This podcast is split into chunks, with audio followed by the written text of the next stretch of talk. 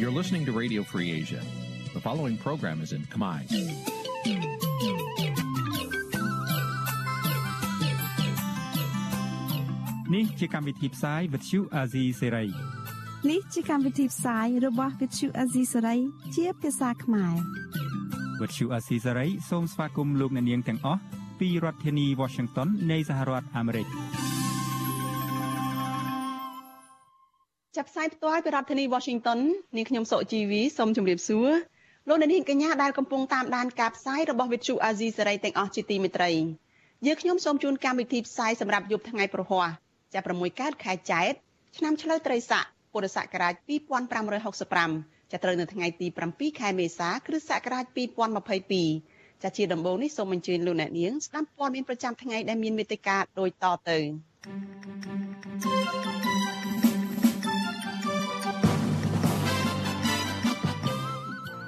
សកម្មជនបរិស្ថានរិះគន់លោកហ៊ុនសែនដែលបន្តកាត់ដីបឹងតាមុកឲ្យប្អូនស្រីរបស់លោកពលករខ្មែរកំពុងជាប់ឃុំថាអាញាធរថៃឃុំខ្លួនពួកគេលើថ្ងៃកំណត់អស់ជាច្រើនខែមកហើយសង្គមស៊ីវិលស្នើសមត្ថកិច្ចដាក់ទោសជនល្មើសជាជនបរទេសជាមុនសិនទើបបណ្តេញចេញពួកគេពីកម្ពុជា សហគមន៍ការពារព្រៃឈើខេត្តកំពង់ធំស្នើឲ្យតុលាការទម្លាក់ចោលការចោទប្រកាន់លើអ្នកភូមិ8នាក់រួមនឹងព័ត៌មានសំខាន់ៗមួយចំនួនទៀត។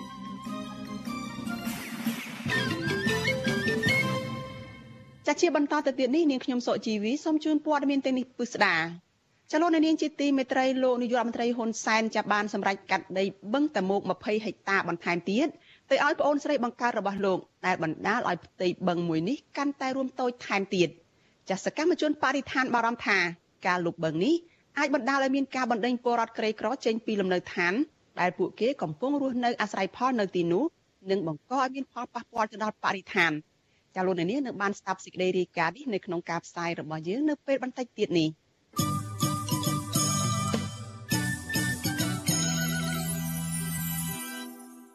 ចាលោកនាងកញ្ញាជាទីមេត្រីចាព័ត៌មានតកតងទៅនឹងការការពារធនធានព្រៃឈើឯនេះវិញចាមន្ត្រីសង្គមស៊ីវិលនិងជនជាតិដើមភាគតិចគួយអំពាវនាវឲ្យតុលាការខេត្តកំពង់ធំចាទម្លាក់ចោលការចោទប្រកាន់ទៅលើប្រជាសហគមន៍ការពារព្រៃឈើចំនួន8នាក់ចាដែលពួកគេបានចេញមុខការពារព្រៃសហគមន៍មួយកន្លែងប៉ុន្តែត្រូវបានក្រុមឈ្មួញប្តឹងផ្ដាល់ពីបទបរិហាបង្កាច់គេពួកគេទៅវិញចាពួកគេថាតុលាការកំពុងតែធ្វើទុកបុកម្នេញទៅលើប្រជាពលរដ្ឋដែលលះបង់នៅក្នុងការការពារព្រៃឈើ និងលំអៀងទៅរកអ្នកដែលកាប់បំផ្លាញព្រៃឈើចាលោកមានរិទ្ធរាយការណ៍អំពីរឿងនេះពជាសហគមន៍ការពារព្រៃឈើរស់នៅភូមិកគីឃុំសាឡាវិស័យស្រុកប្រាសាទបាឡាំងហួសចិត្តចំពោះទង្វើរបស់ស្ថាប័នអัยការអមសាលាដំបងខេត្តកំពង់ធំ ដែលបានបន្តធ្វើបាបទៅលើជនជាតិដើមភាគតិចគួយជាច្រើនអ្នកចំពោះការដែលពួកគេបានចេញមុខការពីប្រិយសហគមន៍សាលាឆ្ដោដែលកំពុងឈានទៅរកការបាត់បង់ស្ទើរតែទាំងស្រុង កាលពីថ្ងៃទី6ខែមេសាតឡាការខេត្តនេះបានសម្រេចឲ្យប្រជាសហគមន៍ចំនួន8នាក់នៅក្រៅឃុំបណ្ដោះអាសន្នដោយដាក់ឲ្យស្ថិតនៅក្រោមការត្រួតពិនិត្យរបស់តុលាការបន្ទាប់ពីពួកគាត់ទៅនោះបានចូលឆ្លើយបំភ្លឺក្នុងសវនាការពេញមួយថ្ងៃហើយតម្រូវឲ្យពួកគាត់ត្រូវបង្ហាញខ្លួននៅប៉ុស្តិ៍នគរបាលជារៀងរាល់មួយខែម្ដង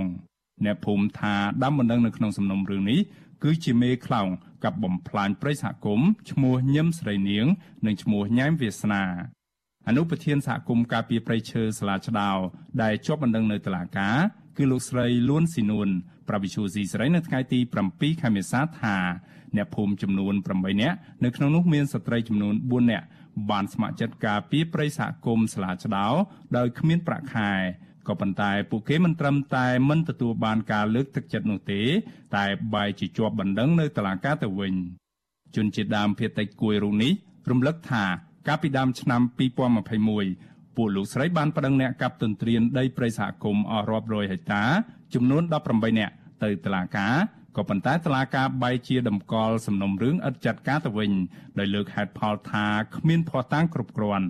រីឯសំណុំរឿងដែលក្រុមឈ្មួញប្តឹងបកមកលើអ្នកការពារប្រៃឈើវិញ តតឡាការបែជាចាត់ការយ៉ាងលឿនអត់មានយុទ្ធធម៌ចំពោះខ្ញុំទេព្រោះអីខ្ញុំថេសាដីរដ្ឋមិនមែនថេសាដីបកគលឬក៏ដីយកទៅបោះខ្ញុំទេអត់ទេហើយខ្ញុំធ្វើការសហគមន៍នេះអត់មានប្រាក់ខែទេខ្ញុំចំណាយពេលវេលាផ្ទាល់ខ្លួនរបស់ខ្ញុំដើម្បីថេសាដីរដ្ឋហើយដល់ពេលតឡាការដាក់បន្ទុកឲ្យខ្ញុំចុះខ្ញុំអត់ទទួលយកបានពជាសហគមន៍ការពីប្រៃឈើស្លាឆ្ដោលោកស្រីលួនស៊ីមសង្កេតឃើញថាដីព្រៃសហគមន៍នេះ មានផ្ទៃដីសរុបជាង1000ហិកតា បានទទួលរងនឹងការកាប់ឈើមានតម្លៃនិងឈូសឆាយទន្ទ្រានព្រៃយកដីស្ទើរតែអស់ទាំងស្រុងនៅរយៈពេល7ឆ្នាំចុងក្រោយនេះលោកស្រីថាបច្ចុប្បន្នដីព្រៃសហគមន៍នេះនៅសល់ព្រៃរបស់រាជរិលជាង60ហិកតាប៉ុណ្ណោះក៏កំពុងទទួលរងនឹងការកាប់បំផ្លាញបន្តិចម្ដងបន្តិចម្ដងផងដែរ លើពីនេះទៀតសកម្មភាពកាប់ព្រៃសហគមន៍ធ្វើអាជីវកម្មទ្រង់ទ្រីធំទាំងនេះគឺគ្មានមន្ត្រីរដ្ឋបាលព្រៃឈើនិងអាជ្ញាធរខេត្តនេះចុះអនុវត្តច្បាប់នៅឡើយទេមកទល់ពេលនេះតឡាការឈ្មោះគេប្រឹងតឡាការចាត់ការតែសម្រាប់ពួកខ្ញុំប្រឹងតឡាការអត់ចាត់ការទេតំបន់នោះឯងពួកខ្ញុំរស់ក្នុងព្រៃសហគមន៍ឯងទៅថាថាពួកខ្ញុំជនជាតិអត់ចេះសាទេលោកគ្រូហើយពួកខ្ញុំវល់ឈ្នួពួកខ្ញុំបូចធ្វើបង្គីធ្វើឈ្មៀងលក់រត់ត្រីរត់អីទៅនោះស្បែកនិយាយកាប់ និយាយកាប់អីទៅបានកណ្ដៀលនៅទៅនោះឯងបើគេឈូសឆាយអស់ហើយពួកខ្ញុំនឹងទៅរស់ឯណាទេវិសុយស៊ីស្រីមិនអាចតាក់ទងសុំការបំភ្លឺរឿងនេះពីដើមមិនដឹងគឺអ្នកស្រីញឹមស្រីនាង និងលោកញ៉ែមវាសនាបាននៅឡើយទេ នៅថ្ងៃទី7ខែមេសា ចំណែកអ្នកនាំពាក្យស្ថាប័នអាយកាអមសាលាដំបងខេត្តកំពង់ធំ លោកសាយណូរ៉ាក៏វិសុយស៊ីស្រីមិនទាន់អាចសុំការឆ្លើយបំភ្លឺបានដែរដោយទូរស័ព្ទហៅចូលច្រានដងតែគ្មានអ្នកលើក ក៏ប៉ុន្តែអ្នកភូមិថាតំណាងអัยការម្នាក់ដែលពួកគាត់មិនស្គាល់ឈ្មោះបានប្រាប់ប្រជាសហគមន៍នៅក្នុងអង្គសវនាការថាអ្នកភូមិមិនគួរចុះបង្ក្រាបបទល្មើសព្រៃឈើដោយគ្មានកិច្ចសហការពីមន្ត្រីរដ្ឋបាលព្រៃឈើនិងអាជ្ញាធរនោះទេមេធាវីការពារក្តីលោកសេកសុភ័ណ្ឌមានប្រសាសន៍ថាមកទល់ពេលនេះសំណុំរឿងនេះស្ថិតនៅក្នុងដំណាក់កាលស៊ើបសួរដោយតុលាការកំពុងស្វែងរកភ័ស្តុតាងដាក់បន្ទុក និងដោះបន្ទុក ដូច្នេះលោកសុំមិនធ្វើអត្ថាធិប្បាយលម្អិតនោះទេជុំវិញរឿងនេះមន្ត្រីពង្រឹងសិទ្ធិអំណាចសហគមន៍មូលដ្ឋាននៃសមាគមអាត6លោកប៉ែនបូណា បានហៅសំណុំរឿងនេះថាជារឿងអយុត្តិធម៌និងគំរាមកំហែងស្មារតីការពារប្រៃឈើរបស់ពលរដ្ឋប្រងសហគមន៍លោក មានសិទ្ធិក្នុងការធ្វើលិខិតអន្តរាគមន៍ទៅក្រសួងយុទ្ធភ័ពទៅប្រមុខរាជរដ្ឋាភិបាលទៅគ្រប់ស្ថាប័នអង្គស្ថាប័ននីតិបញ្ញត្តិប្រតិបត្តិនឹងដើម្បីឲ្យអន្តរាគមន៍ហើយមានការស៊ើបអង្កេតបន្ថែមទៅលើការបាត់បង់ព្រៃឈើនៅថៃទៀតបានមន្ត្រីសង្គមស្វារុងនេះបន្ថែមថាក្រុមជនល្មើសដែលកាប់ទន្ទ្រានដីព្រៃសហគមន៍ខុសច្បាប់អស់ជាច្រើនហិកតាបែជាតឡាការដំកល់សំណុំរឿងឥតចាត់ការទៅវិញលោកចាត់ទុកទង្វើរបស់តឡាការនេះថា រួមចំណែកបំផ្លាញធនធានធម្មជាតិផ្ទុយពីគោលការណ៍ណែនាំរបស់ក្រសួងយុតិធធលោកអំពីវនីវជាថ្មីទៀតឲ្យក្រសួងយុតិធធពិនិត្យពីប្រសិទ្ធភាពការងាររបស់តុលាការខេត្តកំពង់ធំ ដែលកំពុងអនុវត្តផ្ទុយពីស្មារតីរដ្ឋធម្មនុញ្ញដោយមិនបានលើកទឹកចិត្តដល់ពលរដ្ឋដែលប្រើសិទ្ធិការពារសម្បត្តិជាតិស្របតាមច្បាប់ខ្ញុំបាទមេរិត Visual C ស្រីរាយការណ៍ពីរដ្ឋធានី Washington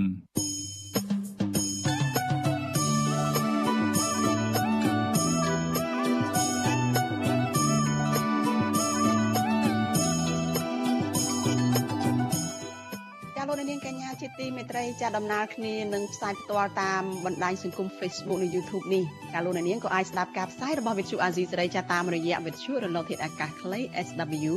ចាតាមកម្រិតនិងកម្ពស់ដូចតទៅនេះចាប់ពេលព្រឹកចាប់ពីម៉ោង5កន្លះដល់ម៉ោង6កន្លះតាមរយៈរលកធាតុអាកាសខ្លី12140 kHz ស្មើនឹងកម្ពស់ 25m និង13715 kHz ស្មើនឹងកម្ពស់ 22m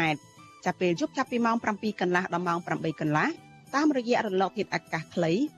9960 kHz ស្មើនឹងកម្ពស់ 30m និង12140 kHz ស្មើនឹងកម្ពស់ 25m និង11885 kHz ស្មើនឹងកម្ពស់ 25m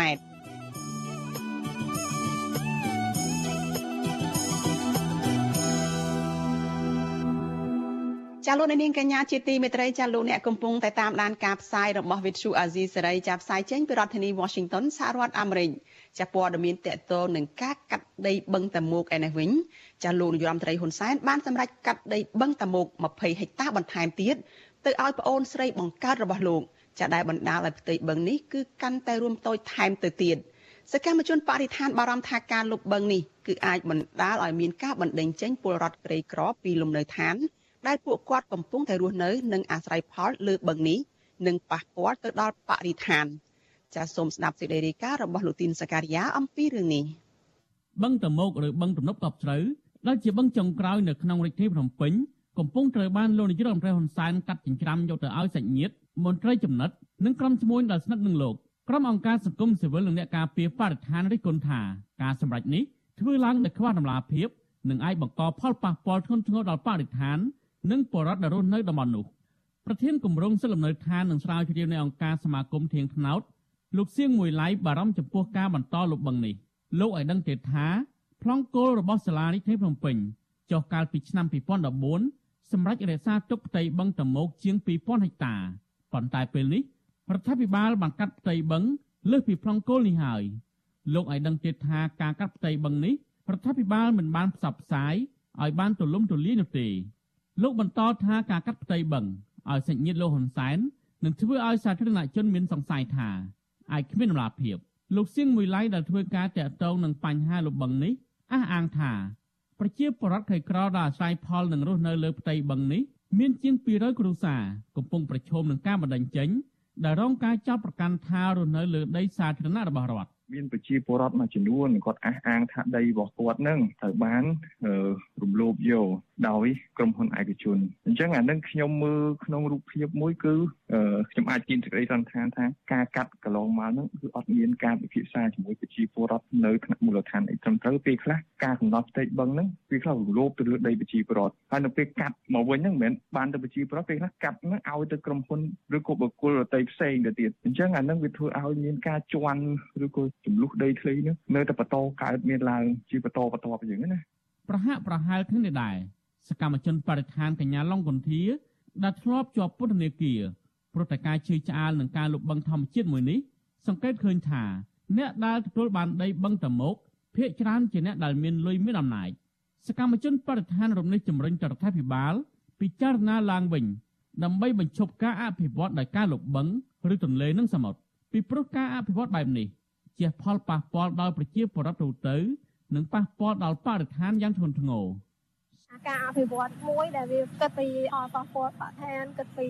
រឿងសិទ្ធិមនុស្សយើងគិតអំពីអាអាមួយទៀតហ្នឹងគឺការអភិវឌ្ឍមួយដែលយើងចង់បានគឺការអភិវឌ្ឍដែលប្រកបដោយអាដំណាភាពហើយមួយទៀតហ្នឹងគឺយើងគិតពីគេហៅការអភិវឌ្ឍមួយដែលប្រកបដោយនិរន្តរភាពណាគិតពីបរិស្ថានអីអីទាំងអស់ហ្នឹងសកម្មជនបរិស្ថានប្រតិកម្មបែបនេះ ក្រោយពេលរដ្ឋាភិបាលបានបង្ហាញឯកសារថាលោកហ៊ុនសែនបានបន្តចុះហត្ថលេខាកាត់ផ្ទៃបឹងតមោកទៅឲ្យមន្ត្រីស្និទ្ធនឹងលោកនិងនៅរយៈពេលចុងក្រោយនេះគឺលោកហ៊ុនសែនបានកាត់ផ្ទៃដីបឹងនេះឲ្យប្អូនស្រីរបស់លោកតែម្ដងសៀវភៅរាជកិច្ចដែលទើបតែបោះពុំផ្សាយកាលពីសប្តាហ៍មុនបង្ហាញថាដីតមោកជាង25ហិកតាបន្ថែមទៀត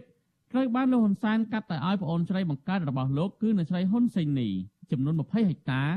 និងកាត់ឲ្យបុគ្គលម្នាក់ទៀតឈ្មោះរស់ព្រីប៊ូចំនួន5ហិកតាផងដែរតើតើនឹងបញ្ហានេះ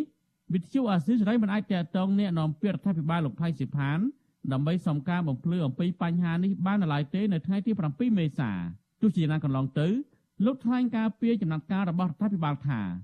មុននឹងសម្រេចកាត់ដីទៅឲ្យនរណាម្នាក់រដ្ឋាភិបាលបានសិក្សាពីផលប៉ះពាល់ច្បាស់លាស់អភិបាលរាជធានីភ្នំពេញលោកខួងស្រេងបានបដិសេធមិនធ្វើអធិប្បាយជំវិញនឹងរឿងនេះទេ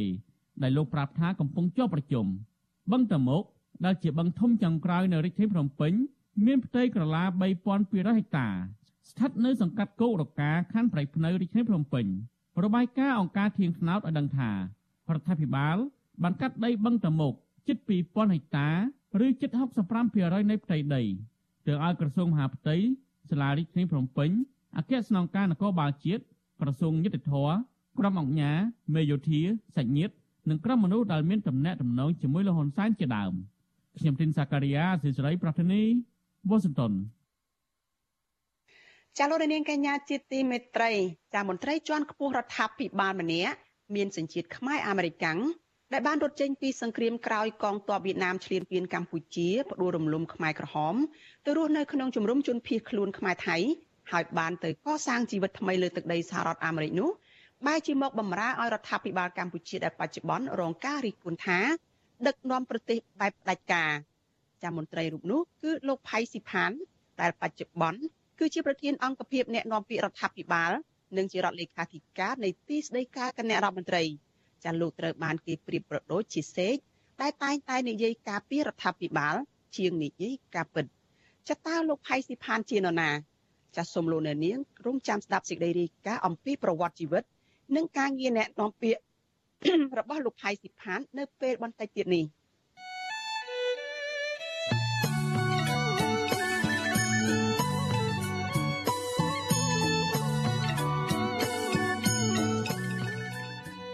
ចាលោកអ្នកនាងជាទីមេត្រីចានៅក្នុងឱកាសនេះដែរចានាងខ្ញុំសូមថ្លែងអំណរគុណដល់លោកអ្នកនាងដែលតែងតែមានភក្ដីភាពចំពោះការផ្សាយរបស់យើង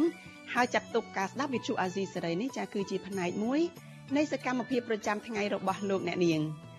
ចាការគ្រប់គ្រងរបស់លោកអ្នកនាងនេះហើយដែលធ្វើឲ្យយើងខ្ញុំកាន់តែមានទឹកចិត្តខ្លាំងថែមទៀតនៅក្នុងការស្វែងរកព័ត៌មានពិតនិងផ្សព្វផ្សាយព័ត៌មានជូនលោកអ្នកនាងទាំងមានអ្នកស្ដាប់មានអ្នកទស្សនាកាន់តែច្រើនចាកាន់តែធ្វើឲ្យយើងខ្ញុំមានភាពស្វាហាប់និងមុខមុតជាបន្តទៅទៀតចាយើងខ្ញុំសូមអរគុណទុកជាមុនហើយសូមអញ្ជើញលោកអ្នកនាងចូលរួមជំរុញការផ្សាយរបស់វិទ្យុអាស៊ីសេរីនេះឲ្យកាន់តែជោគជ័យថែមទៀត ចាលោកអ្នកនាងអាចជួយយើងខ្ញុំបានដោយគ្រាន់តែចុចចែករំលែកការផ្សាយរបស់វិទ្យុអាស៊ីសេរីចានៅលើបណ្ដាញសង្គម Facebook និង YouTube ចាទៅកាន់មិត្តភ័ក្តិរបស់លោកអ្នកនាងចាដើម្បីឲ្យការផ្សាយរបស់យើងនេះបានទៅដល់មនុស្សកាន់តែច្រើនចាសូមអរគុណ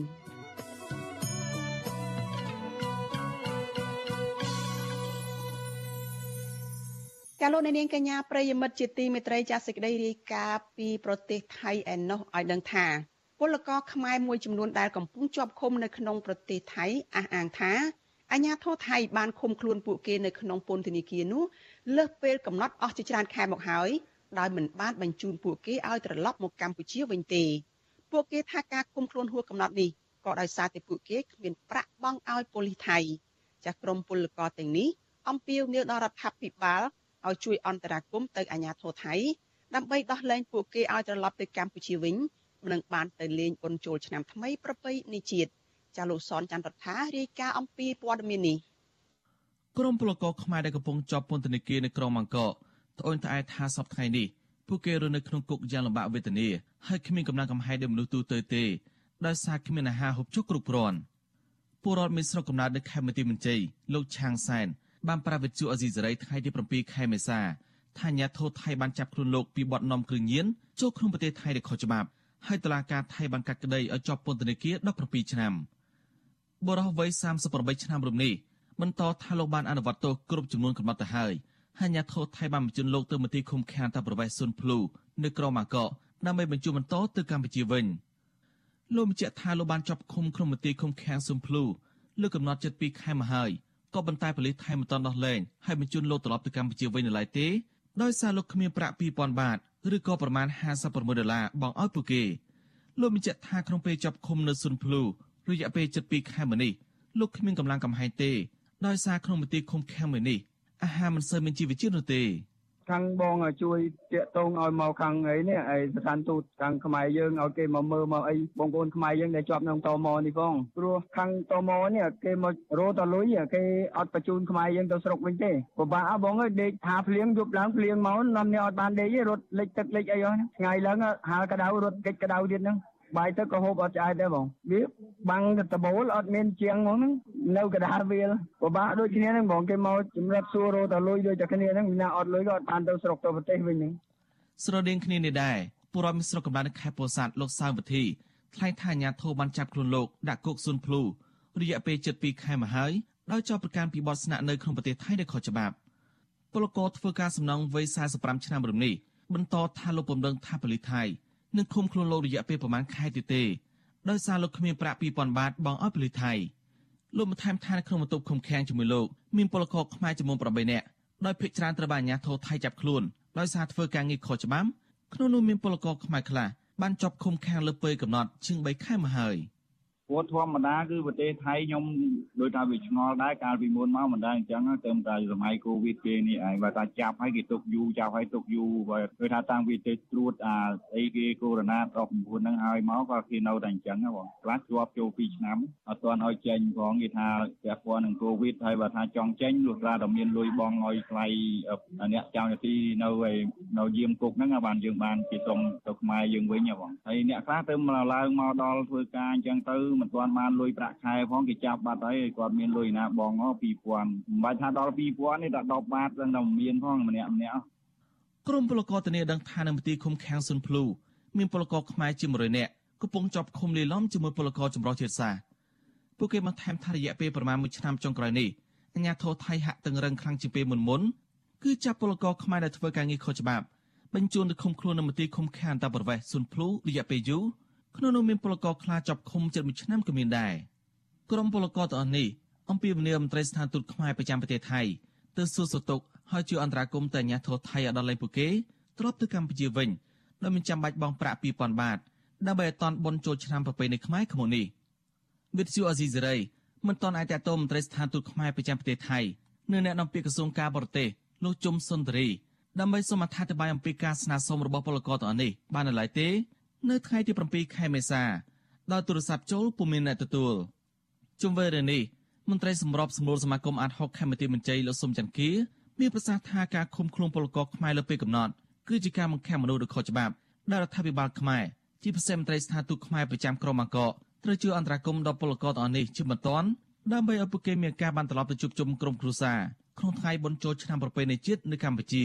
អញ្ចឹងខ្មែរយើងត្រូវដឹងទៅយល់ទាំងអស់ហ្នឹងដើម្បីធ្វើយ៉ាងម៉េចអន្តរាគមន៍ម៉េចឲ្យគាត់បានចេញមកហើយនឹងធ្វើយ៉ាងណាដើម្បីឲ្យអាអាញាធរថៃប្រទេសថៃហ្នឹងអនុវត្តទៅតាមច្បាប់កុំឲ្យឃើញខ្មែរយើងអត់មានលុយអត់មានកាក់អីចេះទុកចោលយ៉ាងទៅដូចជាសម្រាមទៅវាអត់នេះទេវាប៉ះពាល់យ៉ាងខ្លាំងសេចក្តីថ្លៃថ្នូររបស់គាត់ហើយនឹងភាពរស់រានមានជីវិតរបស់គាត់ព្រោះថាគេមានម្ដាយមានកូនមានអីមានវិចារណញ្ញាណគិតដែរអញ្ចឹងខំប្រឹងប្រែងជួយធ្វើម៉េចឲ្យគាត់នឹងបានរួចខ្លួនរួចផុតអំពីការបង្ខាំងមនុស្សខុសច្បាប់នេះផងបាទ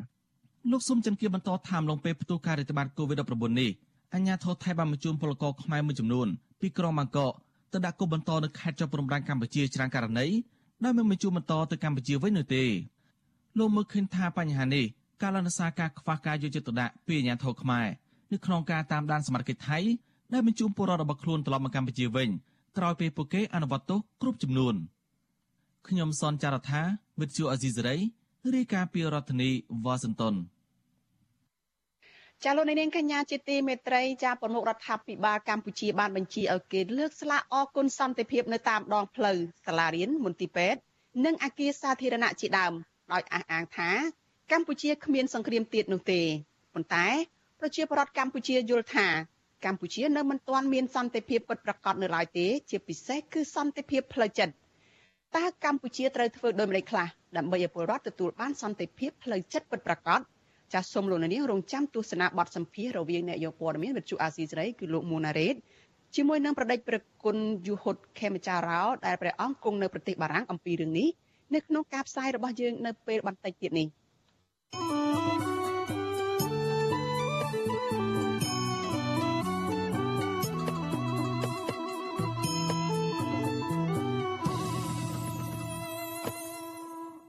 ចាលោកនាងកញ្ញាប្រិយមិត្តជាទីមេត្រីចាមន្ត្រីជាន់ខ្ពស់រដ្ឋាភិបាលម្នាក់មានសញ្ជាតិអាមេរិក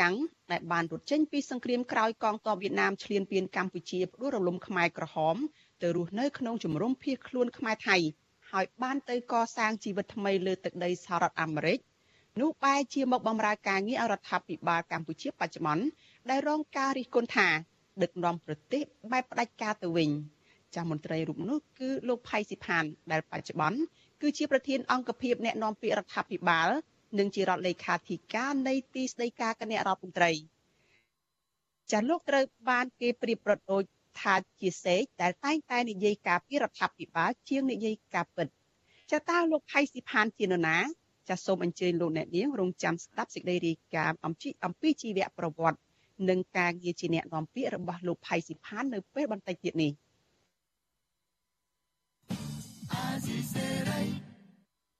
ចាលោកនាងជាទីមេត្រីរឿងដាច់ដោយឡែកមួយទៀតចាមន្ត្រីអង្គការសង្គមស៊ីវិលលើកឡើងថាករណីជួញដូរមនុស្សនៅតែជាកង្វល់សម្រាប់ពលរដ្ឋជាពិសេសចំពោះស្ត្រី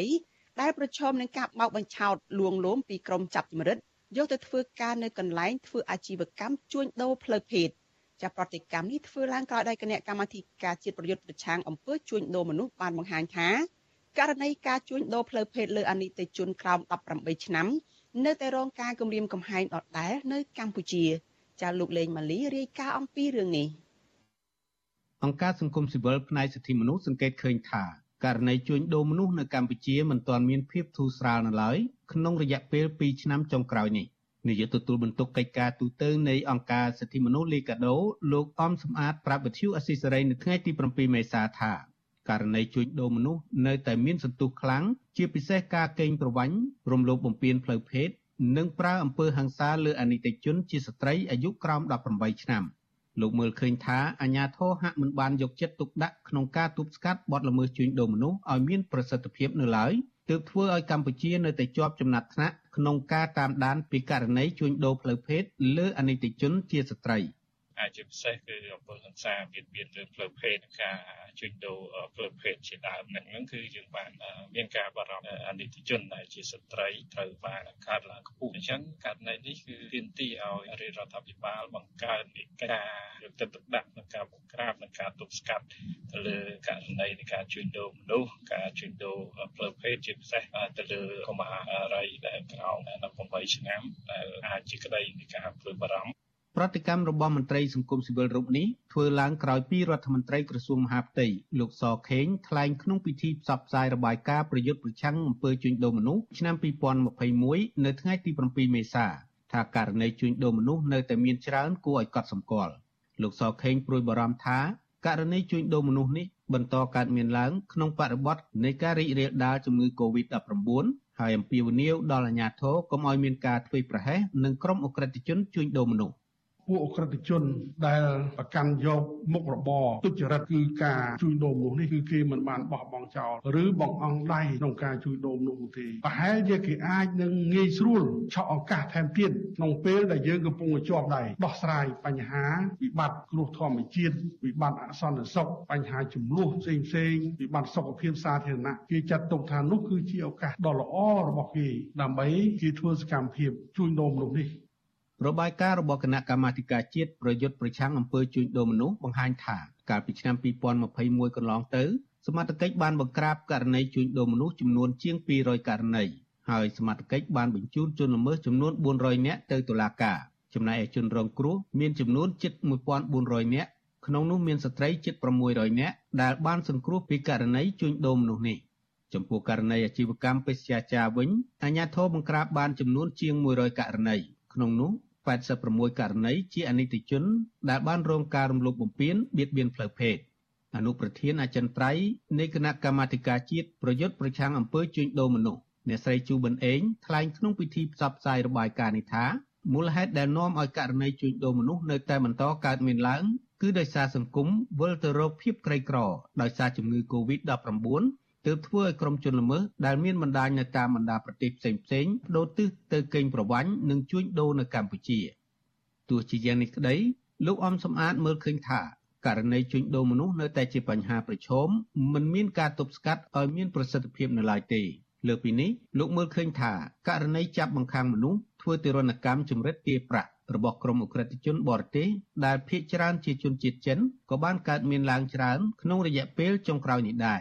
កាលពីដើមខែមីនាក្រុមអង្គការសង្គមស៊ីវិលជាតិនិងអន្តរជាតិបានចេញសេចក្តីថ្លែងការណ៍រួមគ្នាមួយដោយពួកគេព្រួយបារម្ភជាខ្លាំងចំពោះការកើនឡើងនៃការជួញដូរមនុស្សការចាប់បង្ខំឲ្យធ្វើពលកម្មអំពើទេសភាពនិងទារុណកម្មនៅតាមបរិវេណអគារនានានៅកម្ពុជាពួកគេក៏បានបញ្ជាក់ថាការរំលោភបំពានពាក់ព័ន្ធនឹងជនបរទេសត្រូវបានចាប់ជំរិតលក់ជួញដូរឬត្រូវបោកបញ្ឆោតឲ្យទទួលការងារនៅក្នុងខេត្តមួយចំនួនរួមមានខេត្តព្រះសីហនុ ភ្នំពេញពោធិ៍សាត់និងកោះកុងជាដើមជនរងគ្រោះដែលបានរត់គេចខ្លួនរួចបានរាយការណ៍ថាពួកគេត្រូវបានធ្វើបាបទាំងរាងកាយផ្លូវចិត្តនិងរងអំពើហិង្សាពីសំណាក់ក្រុមដែលបង្ខាំងពួកគេតកតងនឹងបញ្ហាជួញដូរមនុស្សនេះក្រសួងការបរទេសសហរដ្ឋអាមេរិកបានផ្ដល់អនុសាសន៍ដល់រដ្ឋាភិបាលលោកហ៊ុនសែនឲ្យគោរពតាមនីតិវិធីស៊ើបអង្កេតដ៏ត្រឹមត្រូវមួយនិងដោយយកចិត្តទុកដាក់ ហើយត្រូវចាប់ជនល្មើសដែលជួញដូរមនុស្សនិងជួញដូរផ្លូវភេទទៅផ្ដន្ទាទោសឲ្យបានតឹងរឹងបំផុត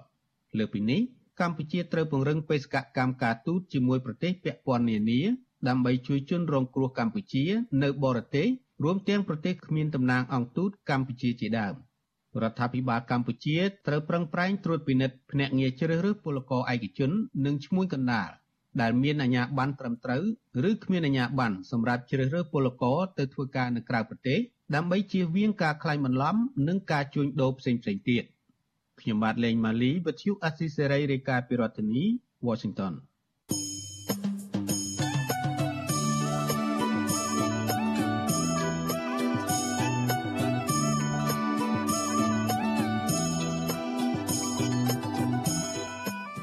ចាលោកនាងកញ្ញាជាទីមេត្រីចាក្រៅពីតាមដានការផ្សាយរបស់វិទ្យុអាស៊ីសេរីចាតាមរយៈបណ្ដាញសង្គម Facebook YouTube Telegram ចាលោកនាងក៏អាចស្ដាប់ការផ្សាយរបស់យើងចាតាមរយៈបណ្ដាញសង្គម Instagram ចារបស់វិទ្យុអាស៊ីសេរីចាតាមតំណភ្ជាប់គឺ instagram.com/rfa ខ្មែរចាវិទ្យុអាស៊ីសេរី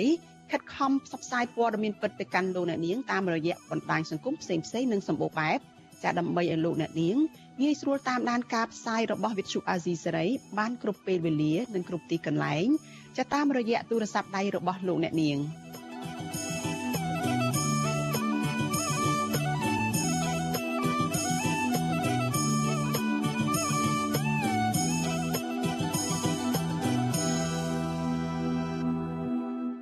ចាលោកនាងកញ្ញាប្រិយមិត្តជាទីមេត្រីចាលោកអ្នកកំពុងតែតាមដានការផ្សាយរបស់វិទ្យុអាស៊ីសេរីចាតកតងនឹងការឆ្លងរាលដាលជំងឺ Covid-19 ក្រសួងសុខាភិបាលរកឃើញករណីឆ្លងជំងឺ Covid-19 ចំនួន27អ្នកបន្ថែមទៀតដែលសុទ្ធតែជាប្រភេទមេរោគអូមីក្រុងនិងជាករណីឆ្លងនៅក្នុងសហគមន៍ចតាយ៉ាងណាក្រសួងប្រកាសថាมันមានករណីស្លាប់ដោយជំងឺនេះទេនៅថ្ងៃដដែលនេះចាគិតត្រឹមថ្ងៃទី7ខែមេសានេះ កម្ពុជាមានអ្នកកើតជំងឺ Covid-19 ជាង135,000នាក់ក្នុងនោះអ្នកជាសះស្បើយមានប្រមាណ132,000នាក់និងអ្នកស្លាប់មានចំនួន3055នាក់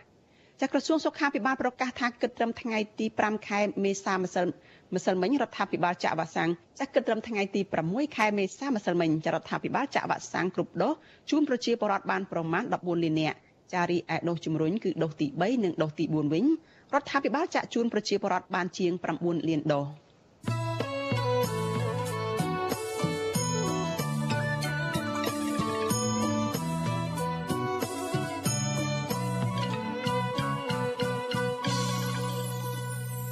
ចាលោកអ្នកនាងជាទីមេត្រីចាព័ត៌មានតកតងនឹងជនបរទេសដែលប្រព្រឹត្តបទល្មើសនៅកម្ពុជាវិញម្ដង ចាមន្ត្រីសង្គមស៊ីវិលជំរុញឲ្យសមត្ថកិច្ចចុះកិច្ចព្រមព្រៀងជាអនុសារណៈយោគយល់គ្នាជាមួយនឹងប្រទេសដែលមានពលរដ្ឋរបស់គេបានប្រព្រឹត្តបទល្មើសនៅកម្ពុជាដើម្បីដាក់ទោសទណ្ឌពួកគេរួចជាមុនសិនមុននឹងបណ្ដេញចេញពីកម្ពុជាឲ្យត្រឡប់ទៅប្រទេសរបស់ពួកគេវិញ។ ចាការលើកឡើងរបស់ប្រធានអង្គការសម្ព័ន្ធគណនេយ្យភាពកម្ពុជាលោកសនជ័យនេះធ្វើឡើងក្រោយដែលសមត្ថកិច្ចកម្ពុជាបញ្ជាក់ថានៅក្នុងអំឡុងឆ្នាំ2021ចាកម្ពុជាបានបញ្ជូនជនបរទេសជិត3600នាក់ឲ្យត្រឡប់ទៅប្រទេសពួកគេវិញបន្ទាប់ពីបានប្រព្រឹត្តបទល្មើសនៅកម្ពុជា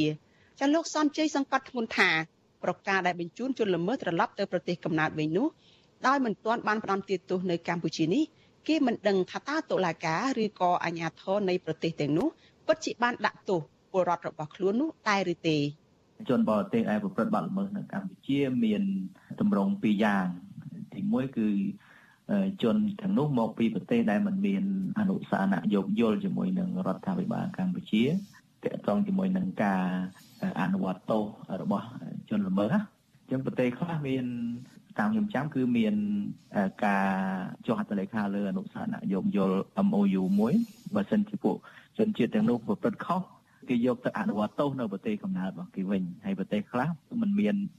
បែបនេះទេអញ្ចឹងត្រូវអនុវត្តទោសនៅក្នុងប្រទេសកម្ពុជាបាទចឹងហើយបានបានជាខ្ញុំយល់ថាការឲ្យដែលជនបរទេសដែលប្រព្រឹត្តបទល្មើសនៅកម្ពុជាទៅអនុវត្តទោសនៅប្រទេសគេវិញនោះយើងយើងមិនបានដឹងថាតើការអនុវត្តទោសនោះរបៀបណានោះទេជនខ្លះទៀតបានប្រព្រឹត្តនៅទីនេះគឺបានបានអនុវត្តទោស ជាប់ពន្ធនាគារនៅកម្ពុជាតែម្ដងបាទចារបាយការណ៍របស់អគ្គនាយកដ្ឋានអិនតោប្រូវេសដីវិលទ្ធផលការងារប្រចាំឆ្នាំ2021និងទិសដៅបន្តការងារឆ្នាំ2022កាលពីថ្ងៃទី6ខែមេសាបង្ហាញថាក្នុងចំណោមជនបរទេសទាំងជិត3600នាក់នោះគឺមានសរុប43សញ្ជាតិចាក្នុងនោះមានជនជាតិថៃច្រើនជាងគេ ដែលមានចំនួនជិត2600នាក់បន្ទាប់មកគឺមានជនជាតិចិនដែលមានជាង200នាក់ វៀតណាមនីហ្សេរីយ៉ាឥណ្ឌូនេស៊ីនិងសញ្ជាតិផ្សេងផ្សេងទៀតចាររបាយការណ៍បន្តថាអាជ្ញាធរបានបង្ក្រាបបទល្មើសរបស់ជនបរទេសទាំងនោះបានជិត900ករណីទៅលើជនសង្ស័យជាង4300នាក់ចាចាប់តាំងពីឆ្នាំ2014រហូតដល់ចុងខែធ្នូឆ្នាំ2021អគ្គនាយកដ្ឋានអន្តោប្រវេសន៍នៃក្រសួងមហាផ្ទៃបានបណ្ដេញជនបរទេសជាង100សញ្ជាតិដែលបានប្រព្រឹត្តបទល្មើសខុសច្បាប់សរុបចំនួនជាង20000នាក់ ចា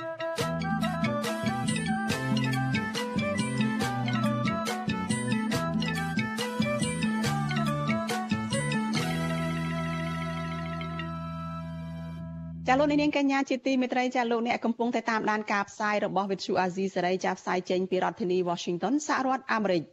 ចាមន្ត្រីជាន់ខ្ពស់រដ្ឋាភិបាលម្នាក់មានសញ្ជាតិអាមេរិកាំង ដែលបានរត់ចេញពីសង្គ្រាមក្រោយកងទ័ពវៀតណាមឈ្លានពានកម្ពុជាផ្ដួលរំលំខ្មែរក្រហមទៅរស់នៅក្នុងជំរំជនភៀសខ្លួនខ្មែរថៃហើយបានទៅកសាងជីវិតថ្មីនៅលើទឹកដីសហរដ្ឋអាមេរិកនោះចាប់បែរជាមកបម្រើការរដ្ឋាភិបាលកម្ពុជាបច្ចុប្បន្នដែលរងការរិះគន់ថាដឹកនាំប្រទេសបែបផ្ដាច់ការទៅវិញចាស់មន្ត្រីរូបនោះគឺលោកផៃស៊ីផានដែលបច្ចុប្បន្នគឺជាប្រធានអង្គភិបអ្នកណែនាំពាក្យរដ្ឋាភិបាលនិងជារដ្ឋលេខាធិការនៃទីស្តីការគណៈរដ្ឋមន្ត្រី ចាលោកត្រូវបានគេប្រៀបប្រដូចជាសត្វជាសេចាដែលតែងតែនិយាយការពីរដ្ឋាភិបាលជាងនិយាយការពិតចាតើលោកផៃស៊ីផានជានរណាចាសសូមលោកអ្នកនាងស្ដាប់សេចក្តីរាយការណ៍របស់អ្នកស្រីខែសុណងអំពីប្រវត្តិជីវិតនិងការងារជាអ្នកនាំពាក្យរបស់លោកផៃស៊ីផាននេះដូចតទៅ ក្នុងវ័យ70ឆ្នាំ លោកផៃស៊ីផានបានបំពេញការងារជាប្រធានអង្គភិបអ្នកណែនាំពាក្យរដ្ឋាភិបាលនៃទីស្តីការគណៈរដ្ឋមន្ត្រីប្រមាណជិត20ឆ្នាំហើយលោកផៃស៊ីផានបានចាប់កាន់តួនាទីនេះតាំងពីឆ្នាំ2005មកលោកបញ្យល់ដោយមិនលាក់លៀមថា ការងារជាអ្នកណែនាំពាក្យរដ្ឋាភិបាល គឺមានន័យថាលោកត្រូវតែការពារផលប្រយោជន៍ដល់រដ្ឋាភិបាលអ្នកនាំពាក្យតែងតែស្វែងរកចំណុចវិជ្ជមានសម្រាប់ ផលប្រយោជន៍រាជរដ្ឋាភិបាលសម្រាប់តែប្រជាពលរដ្ឋអានេះជាការងាររបស់អ្នកនាំពាក្យដូចខ្ញុំមានការពិសោធន៍មួយជាមួយតែខាងគណៈបព្វជិតែជាមិត្តភ័ក្តិមានមិត្តភ័ក្តិខ្លះនៅអង្គការក្រៅរដ្ឋាភិបាលហ្នឹងផលសង្ឃឹមរបស់ពួកគាត់ហ្នឹងឲ្យខ្ញុំនិយាយដើម្បីផលប្រយោជន៍របស់គាត់អានេះជាការខុសហើយអ្នកនាំពាក្យគេស្វែងរកចំណុចអ្វីដែលជា វិជ្ជមានជាសម្រាប់រដ្ឋាភិបាលការពៀនឹងការពៀរកចំណុចដើម្បីបញ្យលអ្នកសារព័ត៌មានបញ្យលសាធារណជនឲ្យយល់អំពីចំហឲ្យយល់អំពីអ្វីទៅដែលការងាររបស់រដ្ឋាភិបាលកម្មពីរដ្ឋាភិបាលបើទោះជាលោកផៃស៊ីផានបកស្រាយថាមួយចំណែកនៃការងារអ្នកណែនាំពាក្យរបស់លោកគឺការពៀផលប្រយោជន៍របស់ពលរដ្ឋក្តីក៏កន្លងទៅ គេសង្កេតឃើញថាលោកពុំបានធ្វើដូច្នោះទាំងស្រុងទេ មានរឿងឬរបាយការណ៍របស់អង្គការសិទ្ធិមនុស្សជាច្រើនដែលលោកផៃស៊ីផាននិងមន្ត្រីនាំពាក្យផ្សេងទៀតតែងបដិសេធឬច្រានចោលដោយទាំងមិនបានអានរបាយការណ៍ឬស៊ើបអង្កេតជាមុនផងទេប៉ុន្តែបែរឆ្លើយការពីរដ្ឋាភិបាលបែបឆ្កងឆ្កង និងបែបខ្វះវិជ្ជាជីវៈទៀតផង ឧទាហរណ៍កាលពីថ្ងៃទី30ខែមិនិនាឆ្នាំ2022នៅពេលដែលគ្រួសារនិងសាច់ញាតិពលរដ្ឋរងគ្រោះដែលស្លាប់ក្នុងព្រឹត្តិការណ៍គប់គ្រាប់បែកថ្ងៃទី30ខែមិនិនាឆ្នាំ1997នាំគ្នាធ្វើបុណ្យប្រចាំឆ្នាំដើម្បីគោរពនិងឧទ្ទិសដល់វិញ្ញាណក្ខន្ធអ្នកដែលបានចែកឋានទៅហើយក្តីក៏លោកផៃស៊ីផានចាត់ទុកថាពលរដ្ឋទាំងនោះបានប្រើប្រាស់ពិធីបុណ្យរំលឹកខួប25ឆ្នាំនេះដើម្បីធ្វើជាពាណិជ្ជកម្មនយោបាយតែប៉ុណ្ណោះ។ ការធ្វើបាំងស្ទូលបាំងអីហ្នឹងគ្រាន់តែដើម្បីឲ្យគេចាប់អារម្មណ៍យកព្រឹត្តិការណ៍ហ្នឹងដើម្បីធ្វើជាពាណិជ្ជកម្មនយោបាយនៅតុលាការគឺនៅតែបើករណីហ្នឹងសម្រាប់ទទួលពាក្យបណ្ដឹងទទួលព័ត៌មានពីសាធារណជន ពីអង្គការណាមួយដែលនៅក្នុងដែនយុទ្ធសាស្ត្រការរបស់បកខ្លួនប្រសាសន៍បែបនេះហើយដែលប្រហែលជាបច្ច័យមួយដែលធ្វើឲ្យលោកអាចរក្សាតំណែងអ្នកនាំពាក្យនេះបានយូរអង្វែង ព្រះសង្ឃដែលជាអ្នកផ្ដល់ឱវាទអប់រំទូមានព្រានប្រដៅឲ្យមនុស្សរស់នៅប្រកបដោយសិលធម៌ក្នុងសង្គមរិះគន់ថាសម្ដីឆ្លើយតបរបស់មន្ត្រីសាធារណៈបែបនេះគឺមិនសមហេតុសមផល និងជាការប្រមាថការទៀនដល់ជនរងគ្រោះថែមទៀតផងប្រដេជប្រគុណបណ្ឌិតហុកសាវ៉ាន់គង់នៅវត្តខ្មែរក្នុងប្រទេសកាណាដា មានថេរដីកាថាមានមន្ត្រីដឹកនាំប្រទេសជាតិដែលប្រើប្រាស់ពាក្យសម្ដីគំរាមកំហែងសម្ដីហិង្សា ជេរប្រតិចបដាសា ភាសារើសអើងប្រមាថមើលងាយនិងប្រើសម្ដីអសុរោះទៅលើប្រជាពលរដ្ឋដែលមិនមែនជាបពពួករបស់ខ្លួននិងអាចវិនិច្ឆ័យដល់ជាតិនៅពេលដែលពួកគេនៅតែមិនព្រមកែខ្លួនព្រោះខ្លួនជាបុគ្គលសាធារណៈជាអ្នកដឹកនាំពលរដ្ឋកាលណាពលរដ្ឋរបស់ខ្លួនមានទុកទៅសម្ដែងរួមទុកបើកាលណាបានសុខហើយអបអរសាទររឿងសុខគេមានទុកឲ្យខ្លួនទូតាលើគេមើលការខុសត្រូវ បែរជាខ្លួនរិះគន់គេបងប្អូនគេមានមានទុកបែរជាចោតគេចង់កេងប្រវាញ់នយោបាយផ្សេងផ្សេងវាគ្មានរឿងនឹងសោះបើគ្មានបងប្អូនគេស្លាប់គេអត់រវល់ទេព្រោះអ្នកដឹកនាំក៏ទៅសោកស្ដាយជាមួយដែរព្រោះបាត់បង់ជីវិតមនុស្សជាជាតិខ្មែរព្រោះថ្មីបើបែបនេះក្តីលោកផៃស៊ីផានយល់ថាអ្នករិះគន់សម្ដីក្នុងទូនីតិរបស់លោកព្រោះពួកគេមិនយល់ពីការងាររបស់អ្នកនាំពាក្យលោកអះអាងបន្ថែមថា តាមពិតទៅការនិយាយការបកស្រាយរបស់លោកគឺបានរួមចំណែកជួយសង្គមជាតិទៅវិញទេនិយាយពីប្រវត្តិជីវិតរបស់លោកផៃស៊ីផានវិញលោកដំណាលថាលោកមានឪពុកជាទាហានប៉ុន្តែលោកមិនបានដឹងពិតប្រាកដថាលោកមានកំណើតកើតជានៅស្រុកណាទេ លោកត្រឹមដឹងថាលោកបានកើតនៅកណ្ដាលដងទន្លេសាបក្នុងឃុំឆ្នុកទ្រូខេត្តកំពង់ឆ្នាំងចំណែកប្រវត្តិនៃការរៀនសូត្រវិញ នៅអំឡុងឆ្នាំ1972 លោកបានរៀនមហាវិទ្យាល័យចំនួន2ទី1គឺលោករៀនផ្នែកអក្សរសាស្ត្រនិងមនុស្សសាស្ត្រនៅសាកលវិទ្យាល័យភូមិន្ទភ្នំពេញនិងទី2រៀនផ្នែកច្បាប់នៅសាកលវិទ្យាល័យភូមិន្ទនីតិសាស្ត្រនិងវិទ្យាសាស្ត្រសេដ្ឋកិច្ចលោកឲ្យដឹងថានៅចន្លោះឆ្នាំ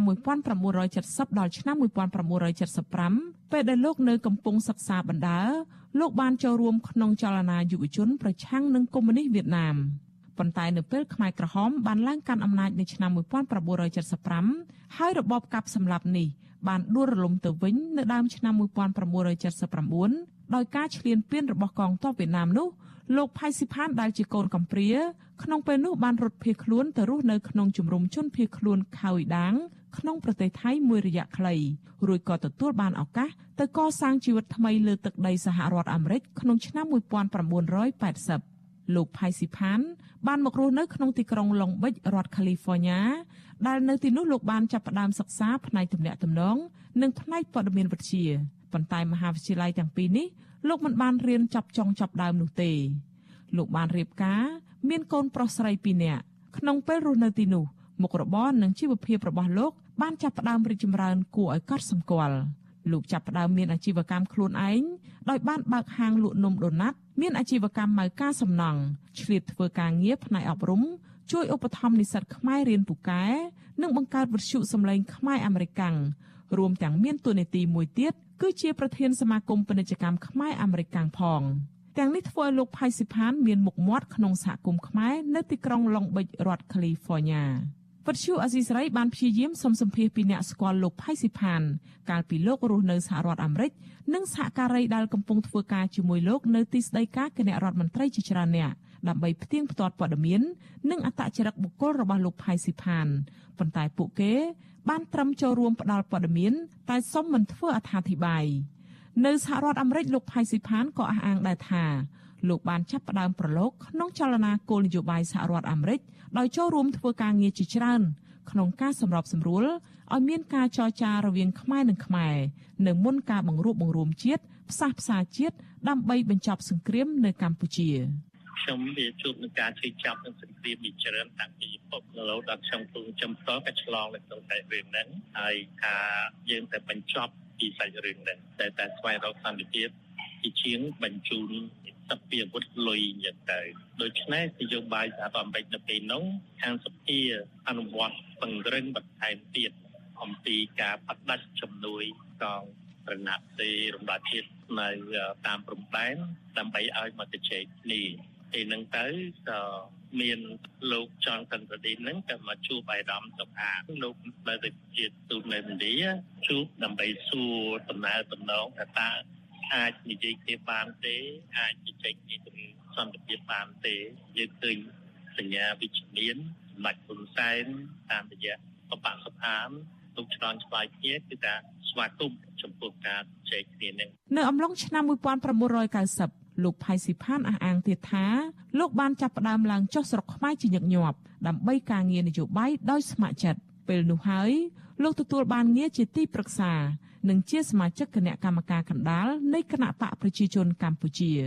ជាងនេះទៅទៀតលោកបញ្ជាក់ថាលោកនេះហើយគឺជាអ្នកបង្កើតគណៈបកប្រជាជនកម្ពុជាដំបូងគេបង្អស់នៅសហរដ្ឋអាមេរិកដោយមានការជំរុញនិងលើកទឹកចិត្តពីក្រុមគ្រួសារមិត្តភ័ក្តិនិងជួយផ្គត់ផ្គង់ផ្នែកហិរញ្ញវត្ថុពីគ្រួសារផង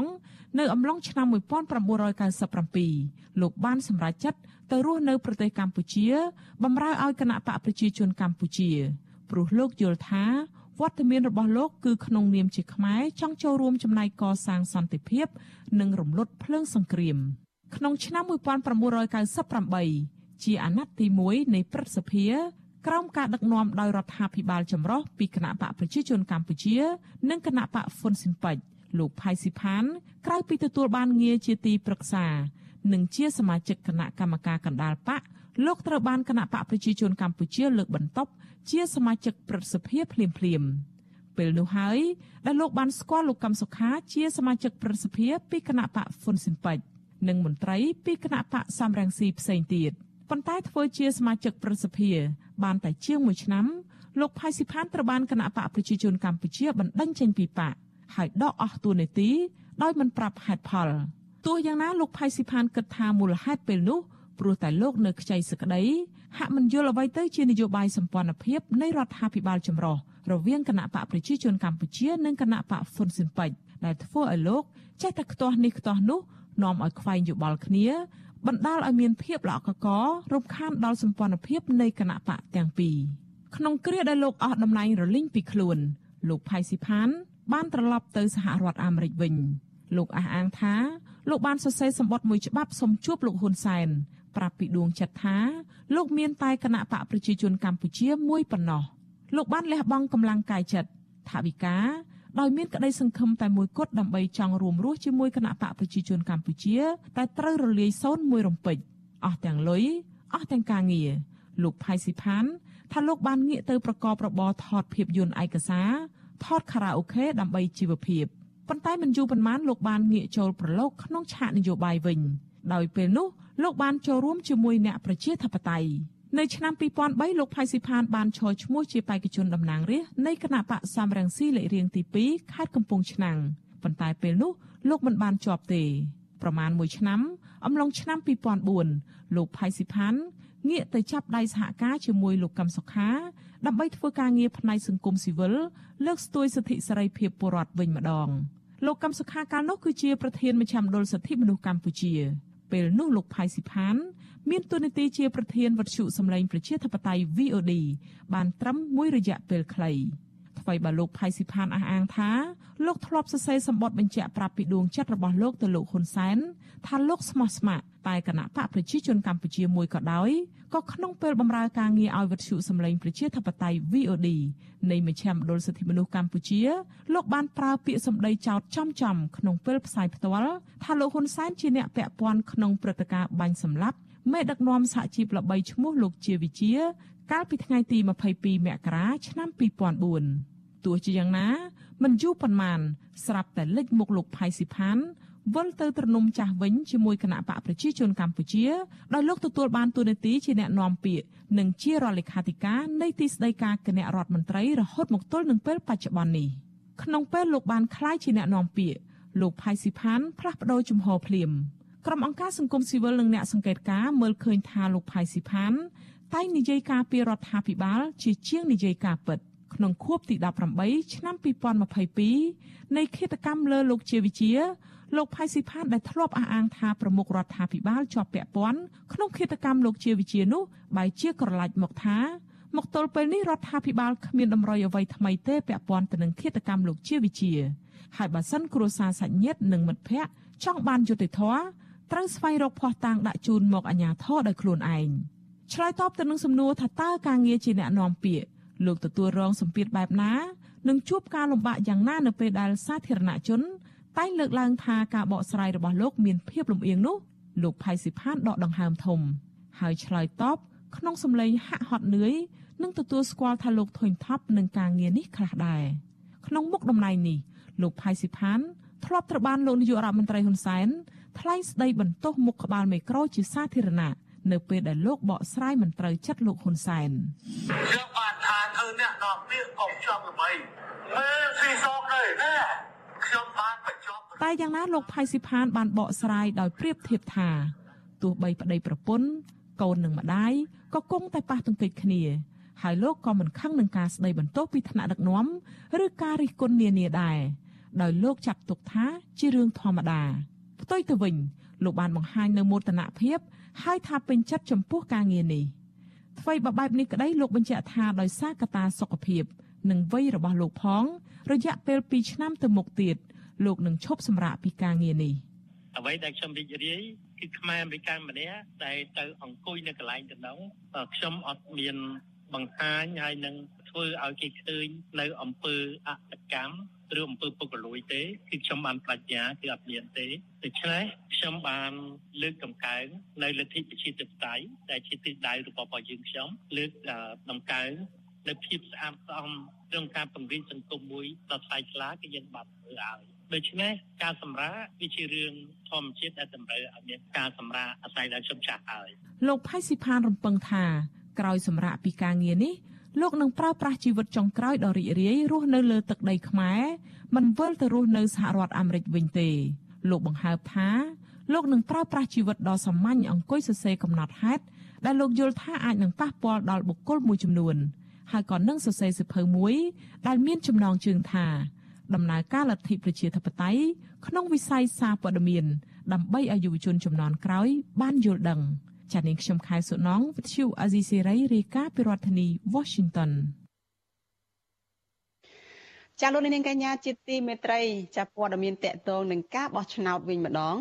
ចាំនៅមិនដល់2ខែទៀតទេដែលកម្ពុជានឹងរៀបចំការបោះឆ្នោតក្រុមប្រឹក្សាគុំសង្កាត់អាណត្តិទី5ចាខុសប្លែកពីអាណត្តិមុនមុនការបោះឆ្នោតមូលដ្ឋាននៅលើកនេះគឺគ្មានប្រទេសនិយមប្រជាធិបតេយ្យណាមួយផ្ដល់ជំនួយទៅដល់គណៈកម្មាធិការជាតិរៀបចំការបោះឆ្នោតឬក៏ជបឡើយ។ ចាអ្នកខ្លាំមើលកិច្ចការបោះឆ្នោតថាការនេះឆ្លុះបញ្ចាំងថា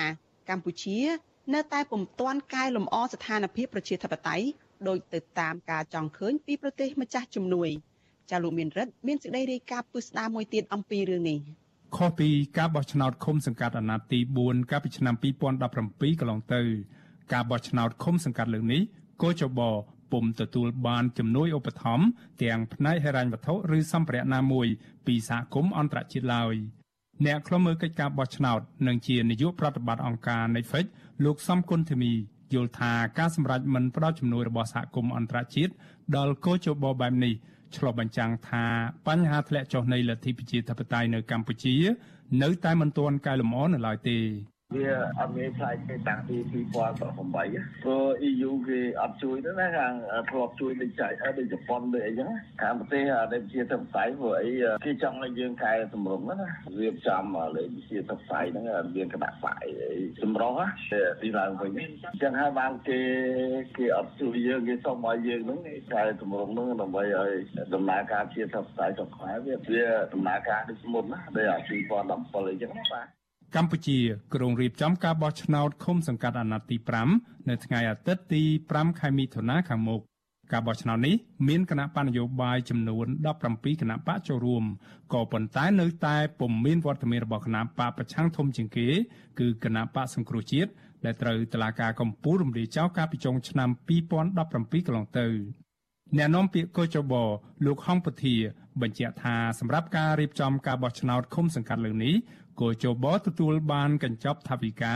ពីរដ្ឋាភិបាលប្រមាណជាង40លានដុល្លារអាមេរិកក៏ប៉ុន្តែពុំទទួលបានជំនួយឧបត្ថម្ភណាមួយពីប្រទេសម្ចាស់ជំនួយណាមួយនោះទេ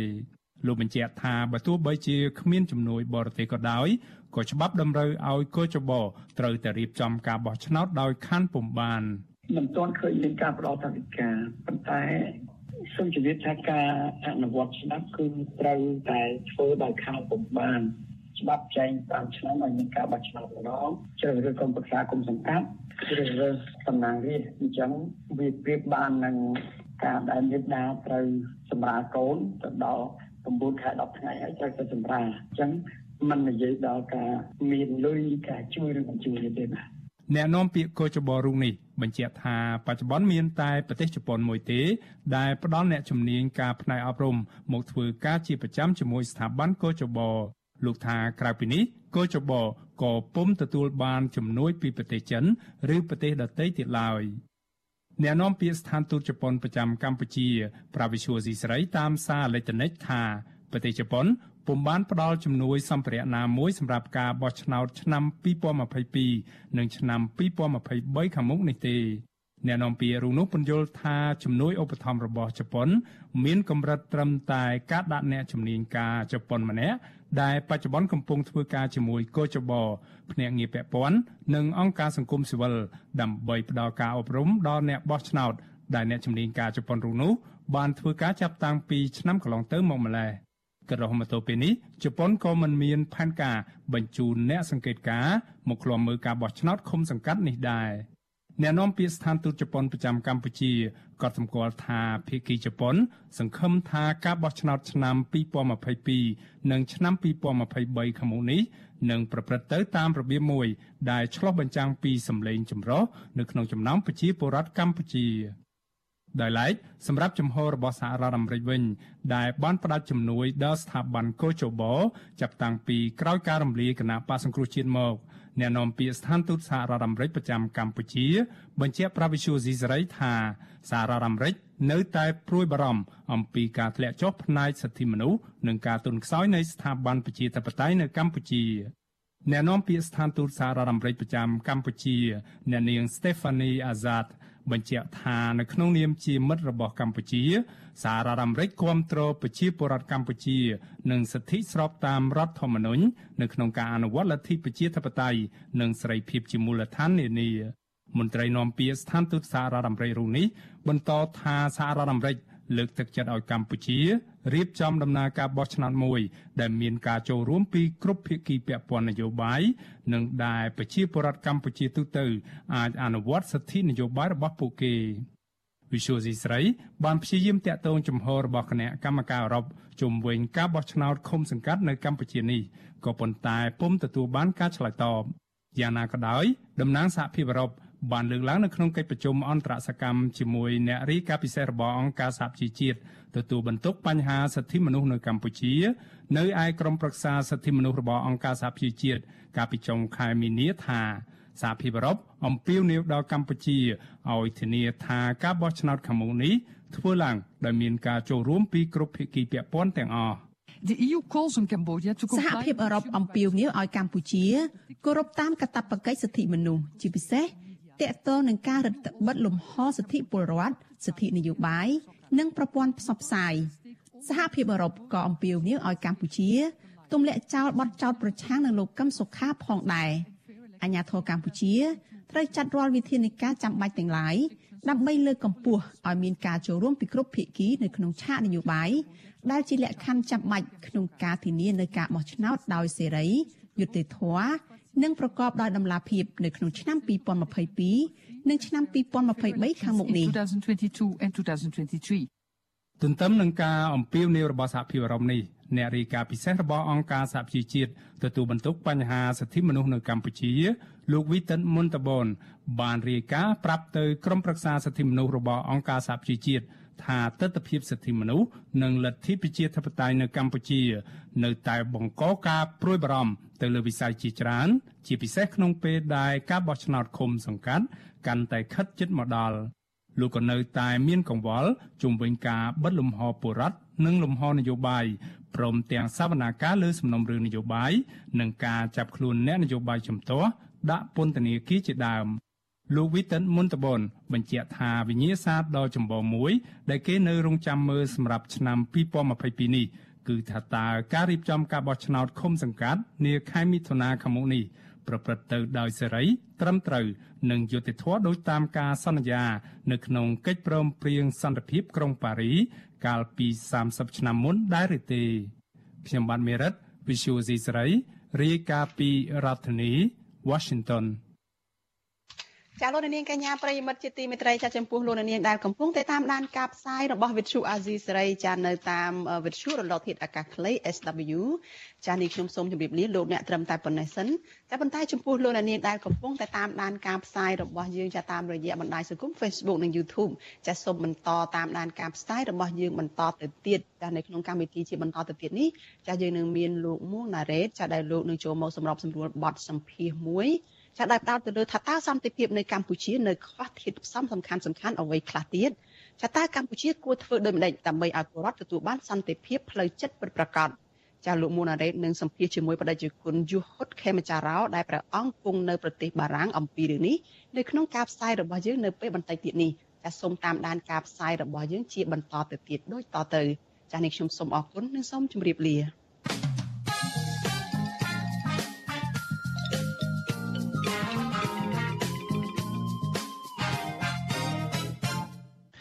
បាទផ្សាយផ្ទាល់ពីរដ្ឋធានី Washington ខ្ញុំបាទមួងណារ៉េតសូមជម្រាបសួរលោកនាងអ្នកស្ដាប់និងទស្សនាការផ្សាយរបស់វិទ្យុអាស៊ីសេរីទាំងអស់ជាទីមេត្រី នៅរាត្រីថ្ងៃប្រហ័សទី7ខែ